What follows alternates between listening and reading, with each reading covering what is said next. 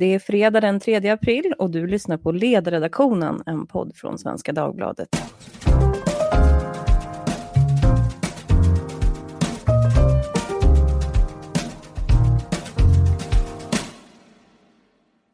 Jag heter Lydia Wåhlsten och även om dagarna flyter ihop så här när man jobbar hemifrån så kan jag konstatera att det är fredag. Och det ska vi förstås fira och det gör vi genom att jag har bjudit in ovanligt många av mina kollegor till podden idag. Dessutom har vi tagit in en gäst vid Sunda vätskor för att undvika att vi blir alldeles för navelskådande. Det har ju hänt en hel del i veckan. Regeringen fattade i måndags beslut om ett nationellt förbud mot besök på äldreboenden. I onsdag så sa Lena Hallengren att det ska bli svårare att hamstra medicin och igår så sa Karolinska eh, sjukhuset att deras intensivvårdsplatser håller på att ta slut. Idag då, fredag, så har Region Stockholm aktiverat sitt krislägesavtal som gör att man kan tvinga vårdpersonal att jobba längre veckor från 40 till 48 timmar i veckan mot en högre lön. Totalt sett så har 333 personer hittills dött i corona och nu när kurvan börjar peka uppåt ordentligt så hårdnar också tonläget mellan de som är kritiska till Sveriges strategi och de som tycker att kritikerna är populister. Så vad tycker min panel om veckan som har varit? Och vad tittar de på nu när vi går in i ett mer kritiskt läge nästa vecka? Det kommer vi prata om nu. Med mig har jag då Tove Livendal, Ivar Arpi och Maria Ludvigsson. Hallå! Hej! Hej! Hej! Det finns också Oshin Cantwell, frispråkig reporter på Aftonbladet. Hej! Välkommen till podden! Tack, tack. Det är, det är en ära att få, få vara med och gästa er. Vad kul att du kände så. Vi ser väldigt mycket fram emot att du ska roasta oss här nu idag lite grann. Om du vågar eller om du bara ska hålla med. Det får vi se. Jag tänkte att vi ska börja med en enkel ja eller nej-fråga och det är om Ekot granskning som visar att corona har hittat in på äldreboenden i inte mindre än 90 kommuner. Om det var veckans viktigaste politiska nyhet. Ja eller nej, vad säger Oshin?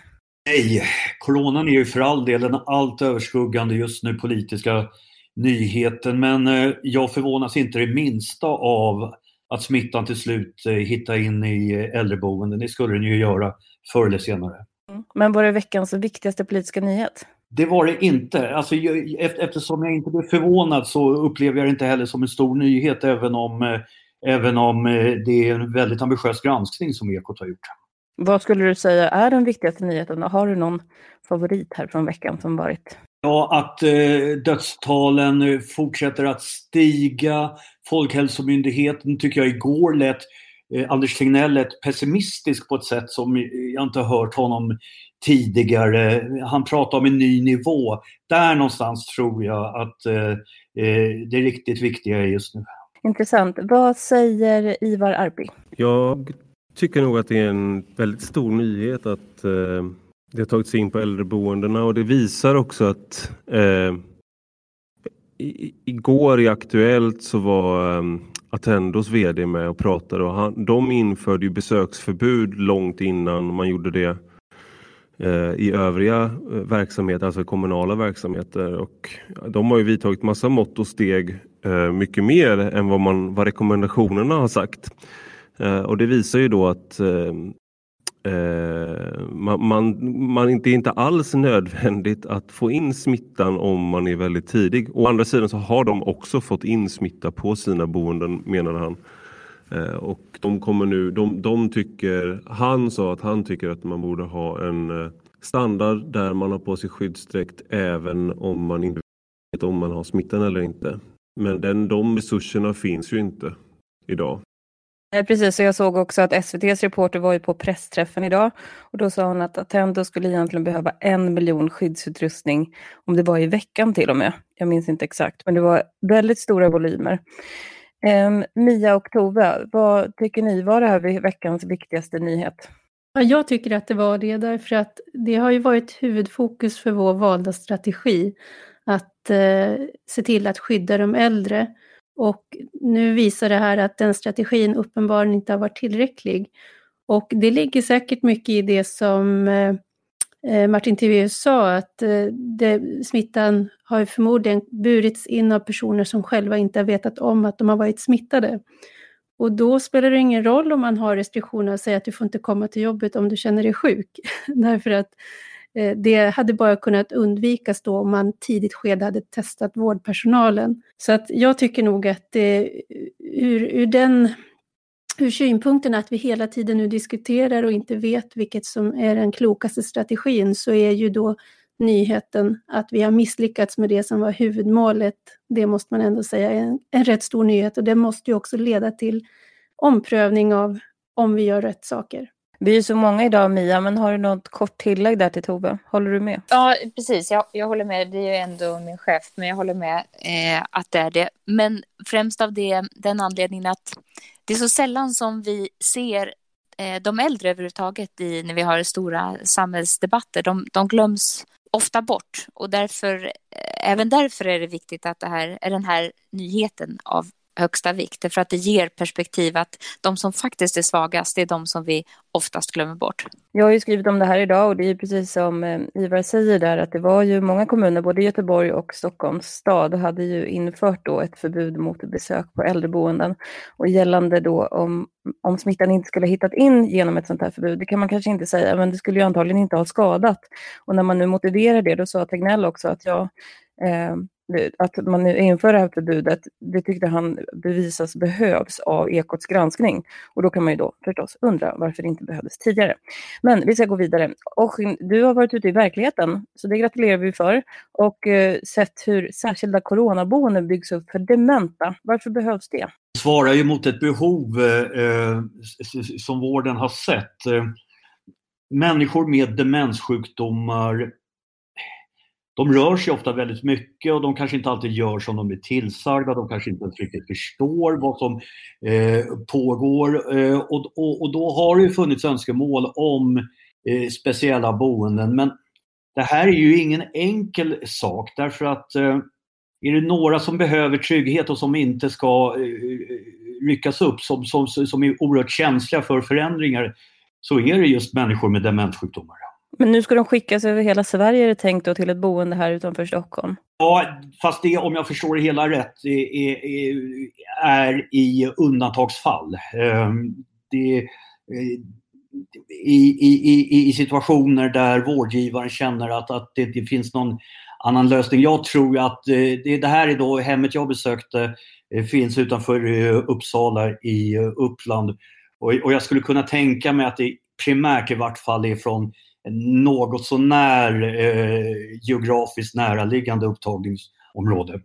Jag tänker att det säger någonting om vad det är vi förbereder oss på. Om det byggs upp ett sånt pass specifikt boende för en så pass specifik diagnos så kan man ju eh, liksom räkna bakåt vad vi pratar om för volymer av, av patienter som man räknar på här. Mia, du ville komma in. Just de som har demenssjukdomar, de är extremt känsliga för eh, miljöförändring, även i det lilla. Om det ändras något i deras eget rum och så, så är det eh, väldigt stressande för dem. Så jag ser för mig att, att man skulle ta dem från en miljö de känner igen sig i, packa in dem i en bil eller en sjuktransport och så föra dem till ett alldeles nytt ställe. Det kan ju vara eh, lika skadligt för dem som ett virus om inte annat. Vi får väl se. Det kommer ju komma många granskningar efter det här är över får man säga om, om alla de här initiativen som tas nu. Jag tänkte att vi ska förstås prata då om veckan som har varit och jag tänker börja narcissistiskt med mig själv. För varje dag klockan 14 har vi bänkat oss i presskonferensen och Oisin har ju då kallat det här för vår tids lägereld. Så nu har SVT äntligen fått den här samlande funktionen som de alltid har velat ha. Um, jag skrev en text i veckan där jag menade att journalisterna har varit ovanligt fogliga. Så jag tycker det har varit väldigt snälla frågor. Det har börjat ändras ska jag säga den senaste veckan, men innan dess har det varit väldigt snällt och jag har väl lite olika hypoteser varför det kan vara så. Och då fick jag mycket medhåll på den här texten då, från personer som har bott utomlands, framförallt tyskar, eftersom att det var Tyskland som jag skrev om. Men min fråga då, eftersom att vissa journalister har blivit väldigt sura, med att jag missförstått och att alla kritiska frågor kommer i de enskilda intervjuerna. Var jag för bitter i min kommentar, Oshin? Nej, det tycker jag inte. Eh, bitter är helt fel ord. Nu ska jag säga, alltså, olika länder har ju lite olika traditioner. Eh, eh, den svenska riksdagen är ju på gott och ont en betydligt tristare plats än låt oss säga Storbritanniens parlament. Och, jag kan tänka mig att sånt kan avspegla sig även på presskonferenser. Och nu journalister är ju en yrkeskår som alls inte gillar eh, kritik, eh, väldigt ömma tår. Dock så har nog de en poäng i att eh, de spetsiga frågorna ofta sparas till de enskilda, enskilda intervjuerna av konkurrensskäl helt enkelt. Alltså man, man, vill inte avslöja sina kort. Man vill inte att konkurrenterna eller hela Sverige ska, ska veta vad man har för vinkel på sin, ja vad det nu är, eh, nyhetsartikel, kolumn, whatever. Och det hade jag absolut eh, kunnat köpa, men det bygger på några olika premisser. Då. Den ena premissen är ju att det skulle finnas ett, ett begränsat antal kritiska frågor. Och min erfarenhet i det här är att det finns otroligt många frågor som kan ställas. Det andra är att jag skulle säga som att det är tv-sänds så det är helt öppet vilken journalist det är då som äger så att säga frågan. Det är väldigt bra positioneringstillfälle. Och att döma av de eh, intervjuer som Svenska Dagbladet har gjort i alla fall, eh, enskilda intervjuer, så har man inte fått någonting mer ur talespersonen än vad man har fått på presskonferensen. Jag tänker också att det borde finnas liksom ett allokeringsresurspotential ehm, eh, här, att om någon börjar ställa en kritisk fråga, om vi säger Niklas Svensson börjar, då kan ju nästa person haka på och på så sätt liksom bygga upp någonting. Och nu har, menar jag då att det har varit väldigt mycket så här frågor, ja vad menar ni med det här? Eller liksom rena sakfrågor som egentligen skulle kunna hanteras av en pressis. Hörni, ni andra då, tyckte ni att jag var bitter? Jag eh, måste säga att jag tycker som, som du, eh, kanske föga förvånande, men jag tycker att det har varit väldigt, väldigt hovsamt i förhållande till eh, statsepidemiologen och generaldirektören. Och jag tycker att de har varit, eh, det jag undrar är jag tror alla har varit lite drabbade av två saker. Å ena sidan att det är en pandemi och att vi inte vet, eh, liksom vi alla känner att det är ganska hotfullt. Och det här är människor då som är experter eh, och som vi litar på. Och sen nummer två att man helt enkelt eh, eh man kan ingenting om det till att börja med. Eh, och sen nu, ju längre tiden går, ju mer läser människor på, ju mer håller man, eh, lär man sig om det här. Eh, och ju bättre kapacitet har man som journalist att ställa kritiska frågor eller skriva kritiska artiklar där man hittar brister. Ehm, och sen så tror jag också en sista grej och det är att det har blivit en sån här konstig lagsport det här där man antingen är för eller emot Folkhälsomyndigheten. Vilket är en fullkomligt absurd eh, liksom, hållning att ha. Eh, att man är liksom, man är, antingen är man landsförrädare om man håller med Anders Tegnell eller så är man landsförrädare om man inte håller med honom. Ungefär. Och det, det, det, där tror jag också har varit ett problem för journalister att man inte har velat eh, delta i det där och då tror jag att man ofta har velat framstå som mer seriös och lugnare och då eh, kanske avstått kritiska frågor ibland. Tove, en anslutande fråga där är ju att eh, DNs chefredaktör, han har ju också skrivit om corona och tagit väldigt tydlig ställning. Tycker du att det där är oproblematiskt som chef på en tidning? Eh, nej, det är inte, men han har ju behållit sin kommenterande roll när han lämnade eh, ledarsidan och gick och blev chef för hela tidningen. Så att han har ju tagit med sig tyckarrollen in i det nya. Och jag tycker inte att det är oproblematiskt. Jag tycker att den ordning som vi har på Svenska Dagbladet, om jag nu får tala för varan, är bättre därför att det finns en tydligare rågång mellan news och views.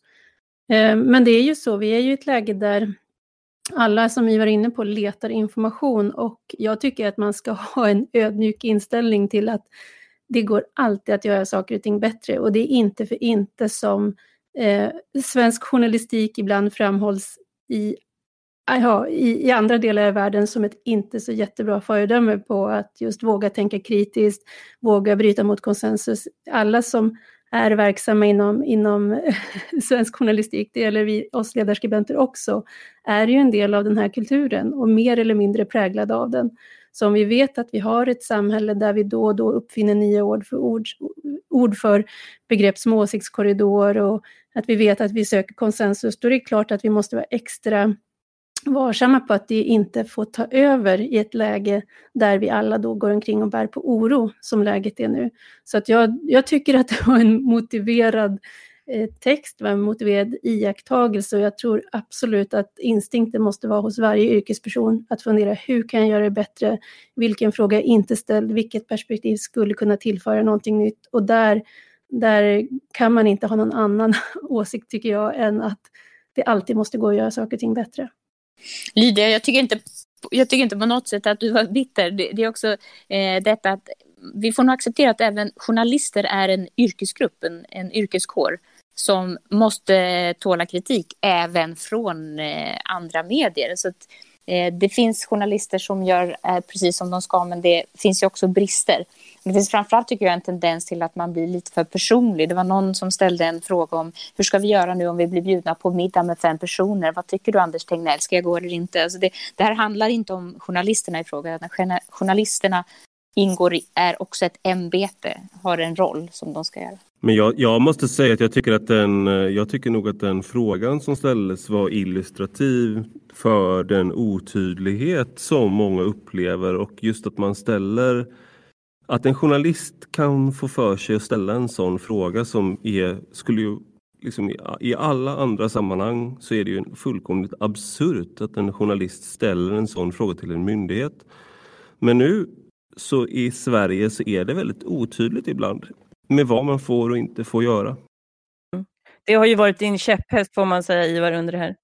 Ja, men till exempel ska man avstå nödvändiga resor under påsk. Jag tror inte att jag kan komma på en enda nödvändig resa. Det, kanske att åka till BB men, och föda, men man kan ju föda hemma också. Alltså vad är en nödvändig resa? Nej, men det är väl poängen då, att du inte ska göra några resor. Och då uttrycker man det på det här sättet. Men jag ska bara säga så här, jag måste ge mina kritiker rätt på en punkt. För det är ju så här, den här distinktionen nu mellan journalist och ledarskribent är inte helt given. Och jag kan ju teoretiskt gå på den här eh, presskonferensen och sitta och ställa mina frågor. Det blir ju lite grann att man sitter på sin läktare och är väldigt fin. Så för det ber jag om ursäkt. Det enda jag önskar mig är liksom en mer offensiv journalistkår generellt. Mig inkluderat i det här då. Och jag måste fråga dig då, om Aftonbladets chefredaktör skulle gå ut som Peter Wolodarski och säga så här, det här, är, det här är min linje och jag egentligen är jag chef över er alla. Skulle du tycka att det var ett problem? Ja, eh, jag har väl inte riktigt reflekterat över det. Alltså vår nuvarande chefredaktör Lena K Samuelsson, jag skulle framförallt bli väldigt, väldigt förvånad om hon gjorde det. Eh, hennes, vår förrförre chefredaktör Jan Elin skulle möjligen, möjligen, möjligen eh, eh vara ute och staka ut linjer och eh, eh, bete sig som någon form av general. Jag tror inte att jag skulle uppleva det som helt eh, okomplicerat nej. För det, å, å, andra sidan kan man ju säga att det är bra, alltså det är ju en chef på en väldigt viktig position och av historiska skäl så har det varit så att man är liksom en samhällsfigur av väldigt stor dignitet. Så i en sån här pandemisituation kanske det är läge då för tidningschefen att gå ut och säga hur de ser på saker. Vi ska gå vidare. Eh, Ivar Arpi, jag har en fråga till dig det visar sig att Anders Tegnell ska vara med i Skavlan ikväll, bland annat med Carl Bildt som ju har varit en tydlig kritiker av svensk strategi. Och då är min fråga om du tycker att det är rimligt att Tegnell är med i Skavlan. Eh, man kan ju se det då som att det är en brandman som mitt i krisen tar en paus för en selfie, eller som att det är helt nödvändig kommunikation och når ut till många svenskar. Hur ska man se på det här? Ja, jag tycker att det är jättebra att han är med i Skavlan skulle jag säga. Jag tycker han är väl Eh, vad säger jag, jag är kritisk till en del saker med eh, Tegnells kommunikation framför allt. Och sen så tror jag att mycket tyder på att vi borde eh, ha satt in åtgärder tidigare och liknande. Men att, att han är i Skavlan och kommunicerar även där tror jag bara är positivt. Eh, och kanske att han får möjlighet att svara på ett annat sätt så att det blir ännu tydligare vad strategin är och vad, man, vad han vill av människor. Men eh, det är ett sätt att nå en annan typ av tittare och kanske också då i samspelet med Carl Bildt att få fram eh, svar från honom. Så att eh, jag tycker inte att det är problematiskt eh, att han är med där. Det finns ju som sagt, han är ju, det har blivit ett enormt personfokus på honom som på gott och ont, mest ont. Men det är ju en stor myndighet som arbetar med det här och han, det, han kan nog avvaras eh, för att informera människor. Mia, du har ju varit kritisk till den här personkulten då kring Tegnell. Att vara med i Skavlan, det är väl liksom den, den högsta punkten då av personfokus som vi borträknar då sommarpratet, vilket han naturligtvis kommer få möjlighet att göra det kommer sommar och vinterprat från honom också. Nu vet vi ju inte hur, eh, vad Skavlan har förberett för frågor. Det skulle förvåna mig om det får bli ytterligare en presskonferens, en informationspress för, för en myndighetsperson. Alltså jag tycker det är problematiskt när både vi som ställer frågor och de som företräder myndigheter blir allt för privata eller personliga. Alltså han är framförallt en institution, han uppbär ett ämbete och det ska vara så oklanderligt som möjligt och då blir det, det kan bli kladdigt om det blir för mycket av vem är mannen bakom och sånt där, för det är irrelevant i sammanhanget. Det han säger, det ska vara det som myndigheten vill meddela och inte något som en mannen bakom, hur han känner eller tycker eller mår. Jag har ju skämtat om att han är den tjänsteman med mest exekutiv makt sen Oxenstierna. Jag har ju antagligen inte på fötterna för det, men, men det är klart att en, han är en myndighetsföreträdare och det kommer mycket sådana här personporträtt. Men är det där så konstigt, Askin? Nej, det är inte det minsta eh, märkligt. Det är ju så vårt eh, medielandskap ser ut. Eh, och eh, det, det, är ju i väldigt stor utsträckning vi som skapar eh, de här mediapersonan eh, vid sidan om liksom den, den strikta eh, ämbetspersonen. Så, så det blir lite märkligt om, om, om vi först skapar den typen av, av eh, personer och eh, kräver av dem att de ska ställa upp och eh, bjuda på det ena och det andra och eh, hemligheter och privata skrymslen och sen är kritiska. Det, det, det, det blir någonting där paradoxalt som, eh, som besvärar mig. Och slakta en huskanin, kan man likna det med det?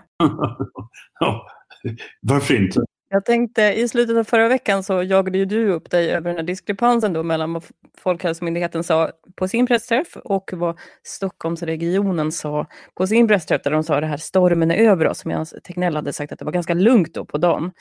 Jag tänkte höra om du även denna vecka har stört dig på kommunikationen från myndigheten?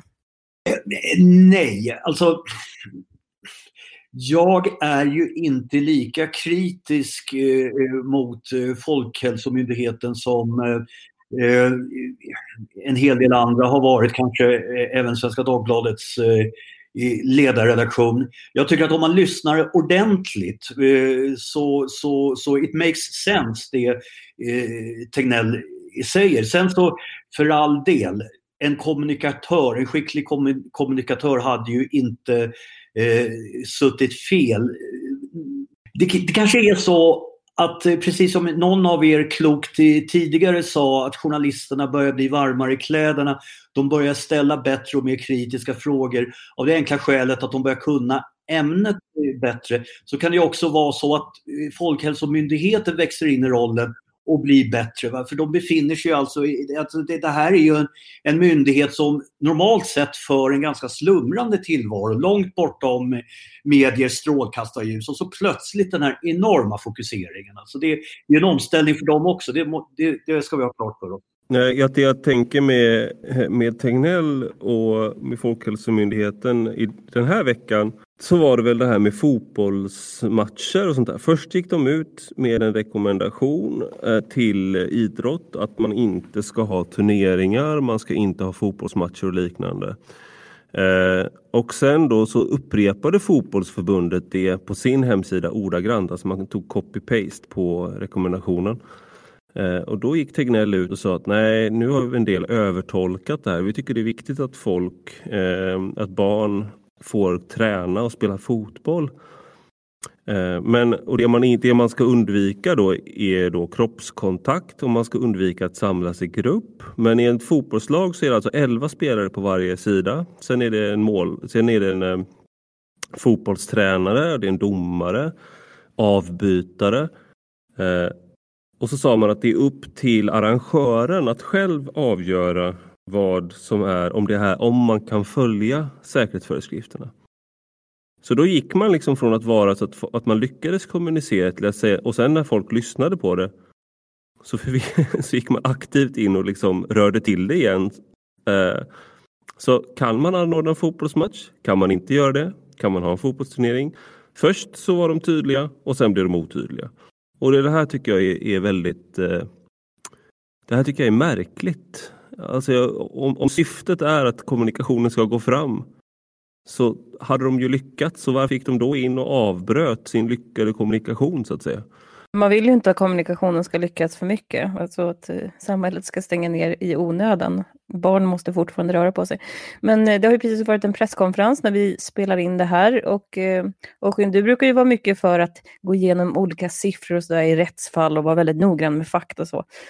Upplevde du att myndigheten svarade på frågorna som ställdes? Ta det här kring prognosen kring hur många som ska dö. Kan man förvänta sig en sån prognos? Eller? Alltså, jag förstår att, att, att, att de värjer sig för den frågan. Va? Därför att vad man än svarar så är ju risken att, att, att, att, man hamnar helt fel. Och eh, eh risken är ju också för att uttrycka det milt, eh, stor för att man framstår som en eh, känslokall cyniker. Alltså det, de vet ju helt enkelt inte.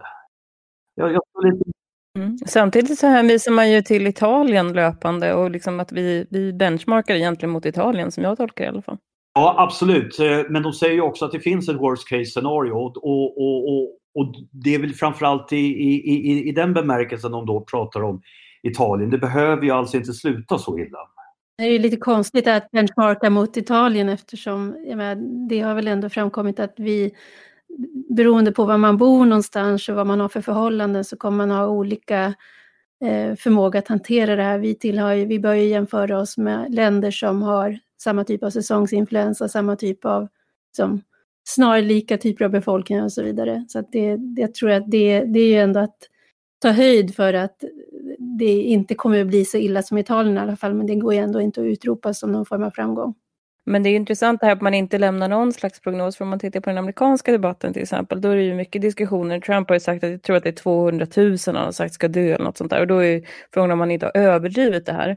För att vilken siffra du än säger då, du vill ju egentligen säga så hög siffra som möjligt så att du kan hamna under den. Man kan liksom lyckas slå då det här indexet.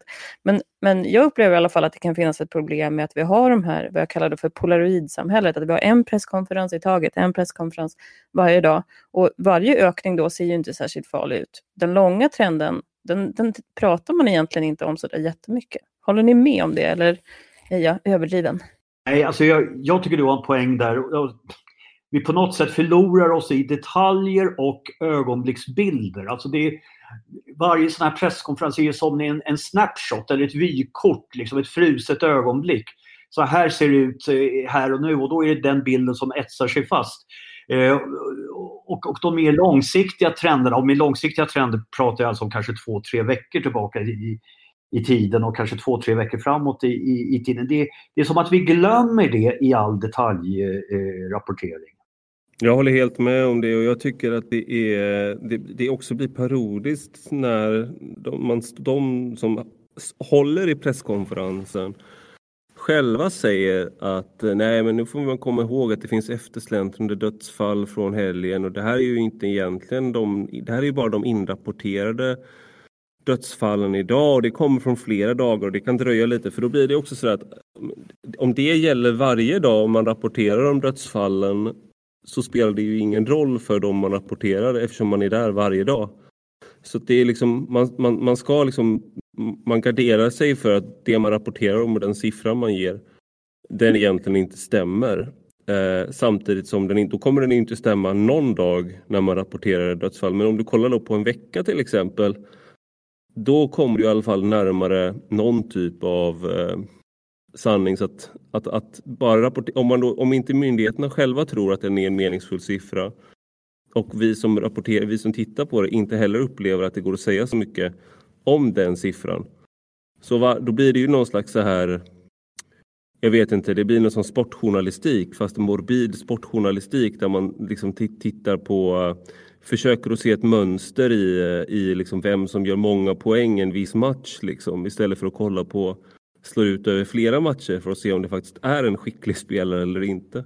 Tove, och hur kommer man ur det här fällan då? Polaroidfällan? Ja, precis, för det där krävs ju två. Det krävs ju någon som ställer den sortens frågor och återrapporterar de exakta siffrorna också och lägger olika mått i dem. Så att det är väl en, där får väl vi som också då har till uppgift att förmedla eh, Eh, och hjälpa människor att få liksom perspektiv på vad som händer, att också då kunna, kunna plocka fram kanske siffror som är mer relevanta än just den där ögonblicksbilden och sätta den i proportion till någonting och jämföra. Det har ju, det, jag tycker i och för sig att det har framkommit att man har talat om att man, man kommer igång i olika, de här kurvorna som man tittar på, då måste man ta höjd för att smittspridningen har börjat vid olika tidpunkter. Så jag, jag tycker att jag ser ambitiösa försök eh, Eh, till att förklara siffrorna för folk och hjälpa dem att tyda dem. Men eh, det, som för att komma tillbaka till min tidigare kommentar, det går alltid att göra det bättre och vi måste fortsätta att bli bättre på att hjälpa folk att hantera detta. För att vi kommer naturligtvis att komma till en punkt också där vi ser att det så att säga planar ut. Och då måste man dra rätt slutsatser av det. Eh, nu har ju precis rapporterna kommit från Wuhan att de går in i en andra våg. Så att det gäller ju att vi hjälps åt här att på olika sätt tolka den information som finns tillgänglig. Jag måste säga att på presskonferensen tycker jag att det är bra att man i alla fall har börjat prata om eh, lite prognoser. Idag så var det ju någon som lyfte då att hur högt är egentligen dödstalet? Det var någon undersökning som sa 0,1 procent. Och det där är jätteviktigt att vi får den diskussionen eftersom att det avgör vilka åtgärder som vidtas. Tove, när vi ändå har dig på linjen här så ska jag passa på att fråga dig lite om media och ekonomi. Men först tänkte jag höra med er andra. Ivar, är du rädd för att bli av med jobbet? Nej, men jag jag, jag, är orolig för eh, ekonomin i stort. Och jag tyckte det här dödsfall, den dödssiffran som du sa nu behöver kommenteras och det är han som sa det här om 0,1 procent. Det hänger ju ihop med hur många som kommer bli av med jobbet så att säga. Han, vill, han som ställde de där frågorna undrade varför vi stänger ner hela samhället. Eh, om det nu är liksom, om, smitt, om, om viruset inte är så farligt.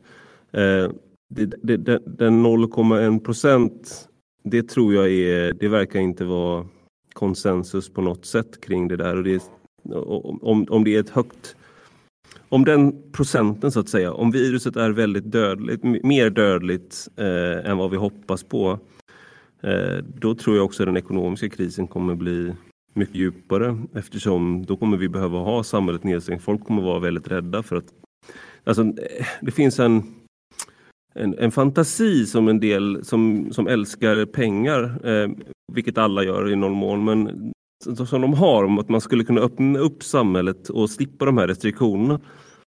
Problemet är att i Sverige så har ju människor, har vi haft linjen personligt ansvar till stor del. Människor har, eh, har alltså tillämpar en mycket striktare social distansering än vad myndigheterna kräver av dem.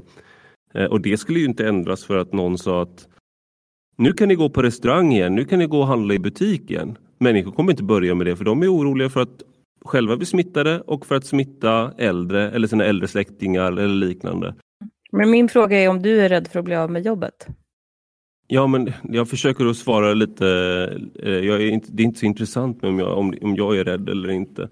Eh, jag tror att jag tillhör en sån privilegierad klass i samhället att det nog kommer funka för mig ändå. Men däremot så är jag rädd för att väldigt många kommer bli av med jobbet och om det även drabbar mig så må det vara hänt. Liksom. Mm. Men, och Skinn och Mia, innan Tove får sin ekonomifråga, har ni funderat på om det här kan leda till att ni blir av med jobbet? Jag är inte rädd för att bli av med jobbet. Eh, Aftonbladet är en tidning som står väl röstat. Det är klart att liksom det har funnits funderingar. Det kanske blir 20 i eh, lönesänkningar. Vi ser det nu på typ Dagens Nyheter och sådär. Men eh, det skulle jag i så fall ta med jämnmod. Alltså, det vi bevittnar här är ju en potentiell ekonomisk eh, jättekatastrof och det är jag, jag håller med Ivar om att det finns andra dimensioner i, i det potentiella ekonomiska eländet eh, som är värre än eh, hur det ser ut för, för, för mitt eget vidkommande. Mia, då får du avsluta den rundan. Ja, ja, nej, jag är inte heller så eh, oroligt lagd. Det brukar ordna sig. Men eh, som sagt, om man tänker sig en, en, eh, en, framtid där många blir friställda, många blir arbetslösa. Eh, I det brukar det komma efterfrågan på kan inte någon stark man eller kvinna kliva fram nu och, och styra upp det hela. Så det, det som kommer av politiska krav eh, i en, eh, eh vad ska vi säga, kanske inte en depression men, men något åt det hållet. Det är ganska skrämmande. Det tycker jag är fruktansvärt läskigt. Alltså vi lever ju i en tid redan idag med en tydlig tendens, eh, auktoritära ledare i det ena landet efter det andra. Va? Och, och eh, en ekonomisk global recession eller rent av en depression kan få fullständigt förskräckliga följder. Jag tänker att det här med auktoritära ledare och allt sånt där. I Sverige, så har vi, i, i andra länder så har man ju såna här personer som Bolsonaro, och Trump och, och liksom Orban och så här, karismatiska Putin, liksom, karismatiska män och ledare som, så här, eh, som, människor, som talar till folket. I Sverige har vi mot, motsvarande mycket svenskare liksom, auktoritetstro. Det är ju den till just personer som eh, den förre statsepidemiologen Johan Giesecke som har blivit kändis över en natt. Eller Anders Tegnell. Det är våra starka män som vi sätter allt, allt vårt hopp till nu Eh, och som man inte får kritisera. Så vi har, jag, bara, jag säger inte det här för att raljera utan jag säger det här för att man ska nog hålla koll på eh, att den här demokratiska tanken om att alla får delta i ett samtal och att man behöver behålla ett kritiskt sinne och kunna diskutera saker. Det, det är någonting som vi bör bevara även i relation till eh, våra gråa starka män som, som vi har. Så att vi inte hamnar i, en, i ett vurmande, överdrivet vurmande för tjänstemännen. Sen ska man väl säga det, vad det får för politiska effekter i Sverige kan ju vara svårt att säga. Jag menar, om vi får en och en halv miljon arbetslösa så är det ett helt nytt läge även politiskt. Då kan det ju segla upp kanske eh, någonting helt nytt. Tova, äntligen är det dags för din fråga då. Och vi tar avstamp i det och om Dagens Nyheter. Dagens Media kunde nu rapportera att de eh, permitterar. Det betyder att de går ner 20% i arbetstid och i Reporterkraft så kommer det motsvara 40 tjänster. Vad gör du för bedömning att den här krisen kommer att göra för mediesverige generellt? Det, det, går, ja nu, nu kom frågan, men det går faktiskt inte att svara på den utan att det finns bara spekulationer. Vi, är ju, alltså vi var ju redan innan det här hände inne i en strukturomvandling och eh, hade fullt sjå med den och det innebär att alla ser över och funderar på hur de ska kunna hitta eh, en affärsmodell som fungerar i en mer digital tillvaro. Och det arbetet är ju alla inne i med det som redan har hänt i form av både nedläggningar och sammanslagningar och eh, nytillkomna också. Det här hade ju ingen kunnat förutse, men det är klart att det, det här är affärsdrivande företag, de kommer påverkas som alla andra. Sen så kommer ju också, vilket jag sett nu, så finns det ju från politiskt håll en vilja att rädda näringslivets olika delar och eh, där vår verksamhet ju anses vara samhällsviktig. Eh, det tycker vi nog själva också. Men det är, det är jättesvårt att se vad som kommer att hända. Det går liksom inte. Det, det blir som med de där dödstalen. Vad man än säger så kommer man att få gruvligt fel och man kommer att missa någonting som man inte såg. Men det som jag tycker ändå är tydligt nu och som man kanske, om man då får ta på sig skolfröken-hatten en liten stund, så det här är ju ett bra tillfälle att förstå hur allting hänger ihop. Att det går inte att säga liv eller ekonomi, utan det är liv eller liv, fast det är olika konsekvenser beroende på vilka vägval man tar.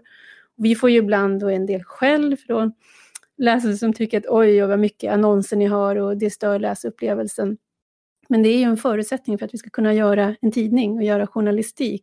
Och nu när annonserna sviker på grund av att stora delar av näringslivet har liksom andningsproblem så eh, påverkar det ju vår möjlighet att göra journalistik. Så att det, det, finns förhoppningsvis det enda goda kanske som kan komma ur en kris är också att fler får upp ögonen för sambanden eh, och hur, hur, vi, hur mycket beroende vi är av varandra. Jag såg ett bra inslag på Kulturnyheterna häromkvällen i SVT som tittade på alla de här små företagen som sköter tekniken kring kulturarbetarna. Och nu när man går ut och diskuterar stora stödpaket i kulturen så glömmer man liksom bort de här som gör det möjligt att ljud och ljus och allting sånt fungerar på scenen. De inkluderas kanske inte i de här stödpaketen, men utan dem skulle det inte bli någon tillgänglig kultur heller. Så att det här är också, i, i, de kanske sorterar under små teknikföretag och får då inte del av det stödet, men det, de är också en del av hela det här Eh, den här kedjan och det blir tydligare nu. Det här är en optimistisk tanke att alla ska förstå marknadsekonomins verkningar. En annan fråga tänkte jag till dig Tove, eh, det är det här med riktningen på sidan. Vi har sett eh, Dagens Nyheters linje har ju varit väldigt tydlig får man säga. Dagens Industri kanske man också kan säga varit tydlig. Hos oss har ju jag och Ivar varit ganska kritisk då till Folkhälsomyndighetens agerande så här långt. Är det ett problem det här att du är så beroende av dina skribenter för för linjen hos oss? Ja, vi har ju, nu har vi ju under ganska många år eh, valt en, en eh, strategi där vi har låtit många röster skriva signerat och eh, istället för att slå fast att här finns en linje och den måste alla som skriver här för, liksom erkänna som någon form av bibel, så har vi sagt att det blir ett bättre samtal, blir en bättre tillförsel av argument och kunskap om man säga, tar ut och provar olika vinklar och jobbar med dem på ett på olika sätt. Och det tycker jag fortsatt är väldigt viktigt, inte minst i ett sånt här läge där det finns en tendens då att man drar åt att nu måste vi hålla ihop. Och hålla ihop då där man felaktigt tolkar det som att man får inte ifrågasätta det som någon form av auktoritet har sagt. Utan här är det verkligen läge att se till att många olika perspektiv lyfts fram. Men det som man skulle säga om balans annars, det, det är ju svårt i ett sånt här läge därför att ju mer, som, som ni har varit inne på tidigare, ju mer vi lär oss som skriver om de här sakerna varje dag, desto större intresse får vi. Och så för det där vidare, liksom att man vill ta reda på. Och då finns ju en risk då att vi glider ifrån ganska många läsare som varken orkar eller vill ta reda på det absolut senaste, utan att de vill leva livet så bra det går. De lämnar ut expertis eller idoga ledarskribenter att träta om liksom grafer och råd. Jag hörde från en vän som går på yoga alltjämt, men med avstånd och det är bara friska som får gå dit, att det på en arbetsplats som hon kände till har inrättats en regel som säger att den som nämner corona får böta en peng till fikakassan. Jag tänkte att det var en ganska bra påminnelse. Eh, det är inte riktigt möjligt för oss då, det, vi har ett motsatt uppdrag på något sätt, men, men det är en ganska bra påminnelse om att människor hanterar de här sakerna olika, vi finns på olika platser och vi har olika behov av att att vara i den här krisen. Förlåt, men det där är väl ändå en slags strutsmentalitet ändå när det pågår en så här stor kris. Att man inte ska få nämna. Det känns som en konstgjord lösning som vissa personer tror funkar. Förlåt, men det känns bara lite. Det känns som att då kanske de borde ta. Man ska inte kritisera hur människor hanterar det här, men jag tycker det låter som eh, en hantering som är under all kritik. Jag tror att det beror på vad man, det beror på vad man jobbar med. Jag såg att det fanns en diskussion på Twitter där där eh, det var någon som fick ett utbrott på en del av, jag menar i skolan, det är klart att de pratar om det här, men det hade också varit några uppgifter man hade givit elever som var alldeles för liksom, omfattande och stora för de eleverna kanske att hantera. Så att det, det, vi gör olika avvägningar och människor kommer att hantera det här och hitta sina strategier. Jag har inte något behov av att döma det. Jag tror att det var gjort i en ganska skämtsam ton också, för det är klart att ingen undkommer detta. Men det är en bra påminnelse om att människor verkligen finns på olika platser, trots att vi liksom vi, vi håller oss, vi, alla sitter inte framför de här presskonferenserna, utan i kanske bästa fall tar, hand, tar, tar del av någonting på nyhetssändningen på kvällen. Men bara en sak till, och det är ju det, om vi tänker på var vi befann oss för bara en dryg månad sedan, då hade ju den här pojken som knivskars i halsen på en parkeringsplats utanför en skola, Kortedala, det hade ju liksom varit på alla sidor nu. Eh, den här pojken har också avlidit, 12 år gammal.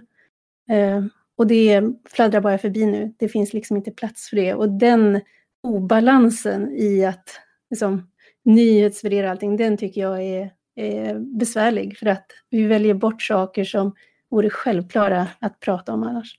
Men det är ju å andra sidan två helt olika saker. Fast Oshin, du skrev väl om det idag, gjorde du inte det? Just att de debatterade vet du, kniv, knivrån och, i riksdagen, men det är ingen rapportering. Jag, jag, jag, var i riksdagen idag och lyssnade på, på en debatt om eh, förned, för, förnedringsrånen. De här rånen som upptog väldigt mycket syre för, för inte särskilt eh, lång tid sedan, men som, som nu har fallit lite glömska. Och det är ju så att vi lever i ett väldigt rastlöst medieklimat där, där frågorna hela tiden på något sätt eh, eh, avlöser varandra. Dock så ska man komma ihåg att vi just nu vi befinner oss i ett extremt nyhetsläge. Jag har varit med tillräckligt länge. Jag har sett andra extrema nyhetslägen komma och gå. Vi har haft Estonia, vi har haft morden på Anna Lindh, Olof Palme. Eh, vi, vi, vi, har haft tsunamin. Alltså ibland uppstår situationer där liksom allt annat trängs undan och så är det under några veckor. Sen återgår eh, rapporteringen till något slags normalläge och det kommer det göra igen. Men eh, jag håller naturligtvis med om det här dödsmordet eh, på den här 12-åriga pojken. Fullständigt förfärlig historia, borde naturligtvis ha uppmärksammats mycket mer än, än vad som är fallet. Men ja, det, är en historia som hamnade, kom precis här och nu. Och Ja, så, så är det ibland. Det är liksom borde relativt vad. Om, om nyhetsintresset eller nyhetsvärderingen ligger någon annanstans, då gör det ju det så att säga. Det, ja, det är lite grann att önska efter, efter någonting som icke är. Jag tänkte fråga dig apropå din erfarenhet då det, det, är ju en ganska konstig debatt upplever jag. Nu är det mycket klagomål här senast på att det är ekonomer som leker e-, epidemiologer och att det är massa lekmän som är ute med sina små grafer som de har ritat och sådär. Jag är inte så oroad för det här med att det är mycket information. Jag skulle vara mycket mer oroad om det var lite information. Men vad säger du om debatten generellt? Jag, menar, jag, jag håller med om att eh, hellre mycket information än lite information och, och hellre någon form av pluralism än, än att, jag menar, vi, vi, skulle vi verkligen vilja leva i ett sam, samhälle där en expert står varje dag och, och, och, och berättar hur saker och ting eh, ligger till. Sen, sen, sen är det väl klart att, att eh, ibland blir det väl kanske lite besvärligt för den stackars mediekonsumenten med 7 miljarder olika grafer och eh, eh hobbyepidemiologer eh, som har tvärsäkra åsikter och, om dittan och dattan. Men bra mycket hellre det än motsatsen. Mia, jag måste släppa in dig också. Hur ser du på den här frågan om expertstyre? Vi som ledarskribenter är ju vana att uttala oss i alla, alla handa frågor jämt. Men det är först nu som den här kritiken kommer. Är det inte märkligt? det, det, är det som är vårt skrå. Men det vi har kunnande om det är vad som är i det här virvarret av information på något sätt försöka dra upp de linjer som så att läsarna kan begripa vad är den politiska skiljelinjen i detta? För det finns ju, den finns ju alltjämt oavsett vad som händer. Eh, så att om vi på ett pedagogiskt sätt kan förklara eh, varför den ena sidan vill det ena och den andra sidan vill det andra så har vi gjort vårt jobb. Alltså man ska kunna säga efteråt, jag kanske inte håller med om vad ni skriver men jag förstår varför ni tycker som ni gör och vad det grundar det på. Men jag måste säga att jag tycker att det är, just som ledarskribent så tycker jag att det här är kanske den svåraste frågan och den svåraste liksom perioden. Jag har jobbat med det sedan 2011. Jag tycker nog att det här är den svåraste just för att jag tycker inte att det finns så många ideologiska skiljelinjer i de mest pressande frågorna. Till exempel så skrev jag om huruvida det är bra eller dåligt att gemene man bär munskydd till idag. Och jag kan inte hitta för mitt liv hitta liksom en ideologisk linje i det. Eh, utan det är, så då, jag ser det som att jag försöker att eh, göra, skäl, göra skäl för min lön och fortsätta skriva. och informera kanske och försöka använda eh, försöka väga olika experter och försöka berätta, liksom väga olika experter mot varandra och så. Men jag kan inte se att jag hittar alltid den här liksom grund, grundvärderings, eh, frå, liksom, grundvärderingen som man kan göra i, i andra politiska frågor. Inte ens Galtan är applicerbar. Jag känner precis likadant, att det är så här, ideolo ideologins yttersta gräns. Det kanske var pandemin ändå. Och det vittnar väl de här nya falangerna som har uppstått då, där vi har Hanif Bali och Peter Wolodarski på samma sida. Men Tovesman har ju gjort sig på en ideologisk tolkning i alla fall. I The Spectator så skriver han då att den svenska modellen egentligen det är den frihetliga modellen med frivillighet och sådär. Och det tycker jag är en sån här fråga som är intressant. Det kan man ju så spontant hålla med om. Samtidigt så är jag, inte säker att jag då, trots som klassisk liberal, eh, just i det här fallet skulle hålla med honom är det inte typiskt svenskt också att vi måste, liksom, nu måste vi enas om vad är det egentligen vi ser? Men det är ju många saker som dyker upp. Det var en ganska lång intervju med Lars Trädgård i vår tidning på nyhetssidorna häromdagen som också talade om liksom, nordisk exceptionalism och liksom på vilket sätt olika drag påverkar vår hantering och vår, också det här som vi har varit på många gånger, hur man lyssnar på råd. I, eh, i helgen här kommer Susanna Popova och kolumn som handlar om psykologin som naturligtvis är en stor del i detta också. Precis, och det där är ju väldigt frestande att göra de här nationella karaktärerna, Men om man läser eh, Katrin Marsall i DN idag så skriver hon ju precis samma sak om britterna och vilket otroligt liksom, krigssinne de har och hur mycket de följer de här rekommendationerna. Eller det är ju regler, men, men samtidigt att det är där också så finns det liksom en kulturell tendens. Så jag tror att alla länder har ju liksom sin, precis som man sätter nationella flaggor på sitt kött så är det samma sak här, att man hyllar just sitt eget sätt att hantera krisen. Ja, eller man behöver inte hylla, men man kan åtminstone bara iaktta och förstå liksom att jo, men det, det hade nog en skillnad. Alltså Finlands historia och kynne gjorde nog att de hade det här krisberedskapslaget som Sverige saknade. Alltså jag måste bara få återkomma till det här om det finns skillnad på höger och vänster. Jag tror inte att eh, ens eh, Göran Greider är för epidemin. Alltså det, det, är inte en höger och vänsterfråga och om man gillar den inte. Men det är klart, de olika lösningarna som presenteras. Till exempel, vad ska man göra ekonomiskt för att det inte ska bli en så hård smäll? Där är det ju en uppenbar skillnad på höger och vänster. Där har vi verkligen ett uppdrag, oavsett om man är höger eller vänster, att förklara var, vad skillnaden är och varför man kommer fram till olika saker. Det börjar bli dags att runda av och jag har två frågor kvar då. Eftersom att vi är så många så måste vi rappa på. Och eh, den första frågan är vad ni håller koll på nu när vi går in i nästa vecka. Apropå att läget kommer bli mer kritiskt. Jag börjar med Oshin. Ekonomin det är på något sätt som så att, att, att vi i vanlig ordning bara lyckats ha, ha en tanke i huvudet eh, samtidigt. Först så pratade vi smitta och eh, död och sen så dök den här vdn på tredje AP-fonden upp och då under några dygn så, så bytte vi fokus eh, fullständigt till eh, ekonomi och nu är vi tillbaka igen. Och, eh, nu kanske jag är naiv och har en eh, överdrivet optimistisk förhoppning men jag skulle vilja se två eh, linjer hålla fokus på två saker samtidigt. Och hur, hur ska du se det här då, tänker du? Det, det, det har jag inte riktigt lyckats eh, reda ut för mig själv än. Tove, vad håller du koll på? Men det är ju de här kurvorna ändå för att se liksom tendensen och därför att eh, nu är vi på jakt efter olika, att avtäcka olika x i ekvationen och att veta när vi kanske har pikat för att ge oss lite andrum, fundera mer och testa mer. Det skulle naturligtvis, det, det det är den sortens information som också kommer att påverka eh, eventuellt nya politiska beslut. Och eh, kurvorna med det då för att också hålla med Orsin där, med 766 konkurser under mars månad, det är också en kurva att titta på. Så att det finns ju hela tiden avvägning som görs. Eh, så att de blir viktiga att följa. Mia? Ja, två saker. Dels eh, ekonomin, hur den utvecklas. Och som del av det kanske lite grann, vad händer med eh, skyddsutrustning? Alltså skyddsmasker och skyddskläder för vårdpersonalen. Det finns ju eh, ett stort behov av det och då finns det företag som vill eh, vara behjälpliga och se till så att man kan få mm, mer av den varan på ett enklare sätt. Och det är också en politisk fråga, så det tycker jag är väldigt intressant att följa.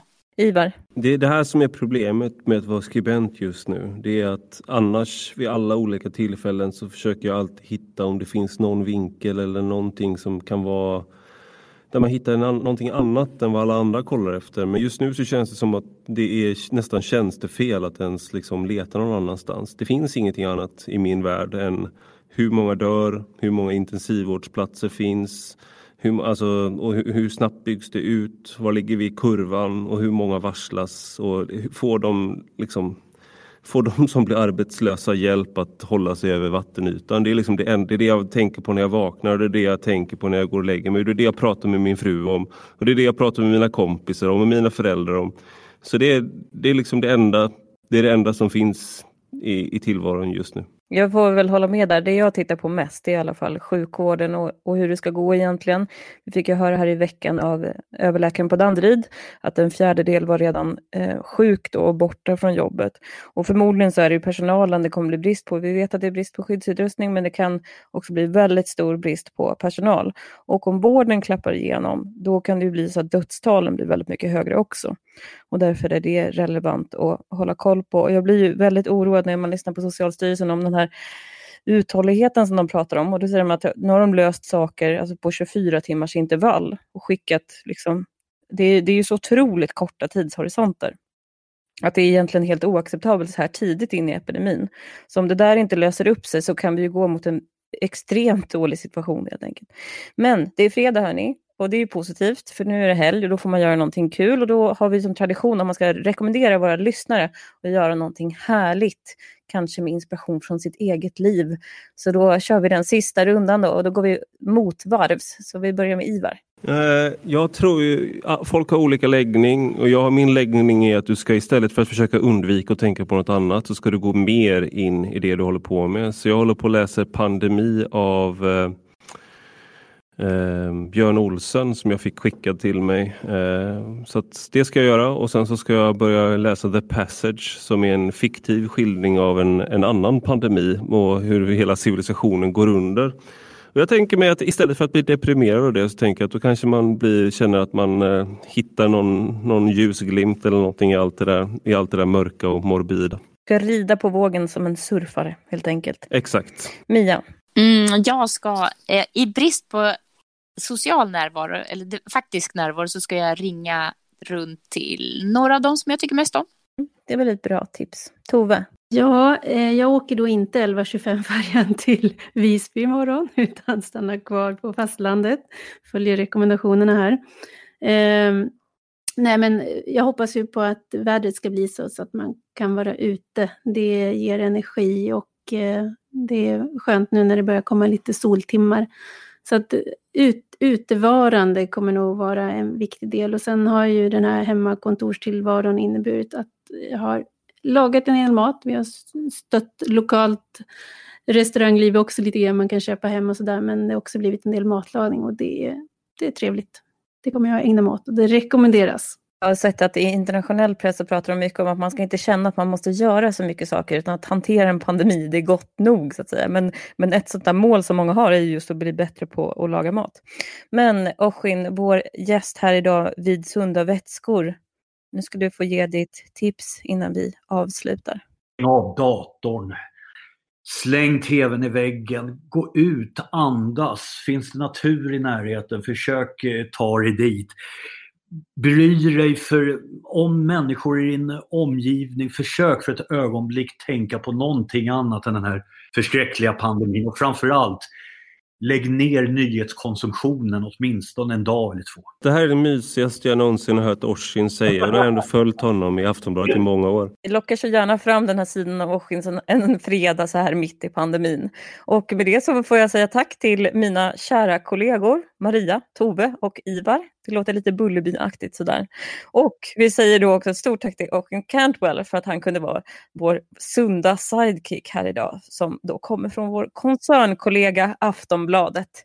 Och om ni har frågor eller tips på saker som ni vill veta så hör ni som vanligt av er på ledarsidan svd.se. Trevlig helg!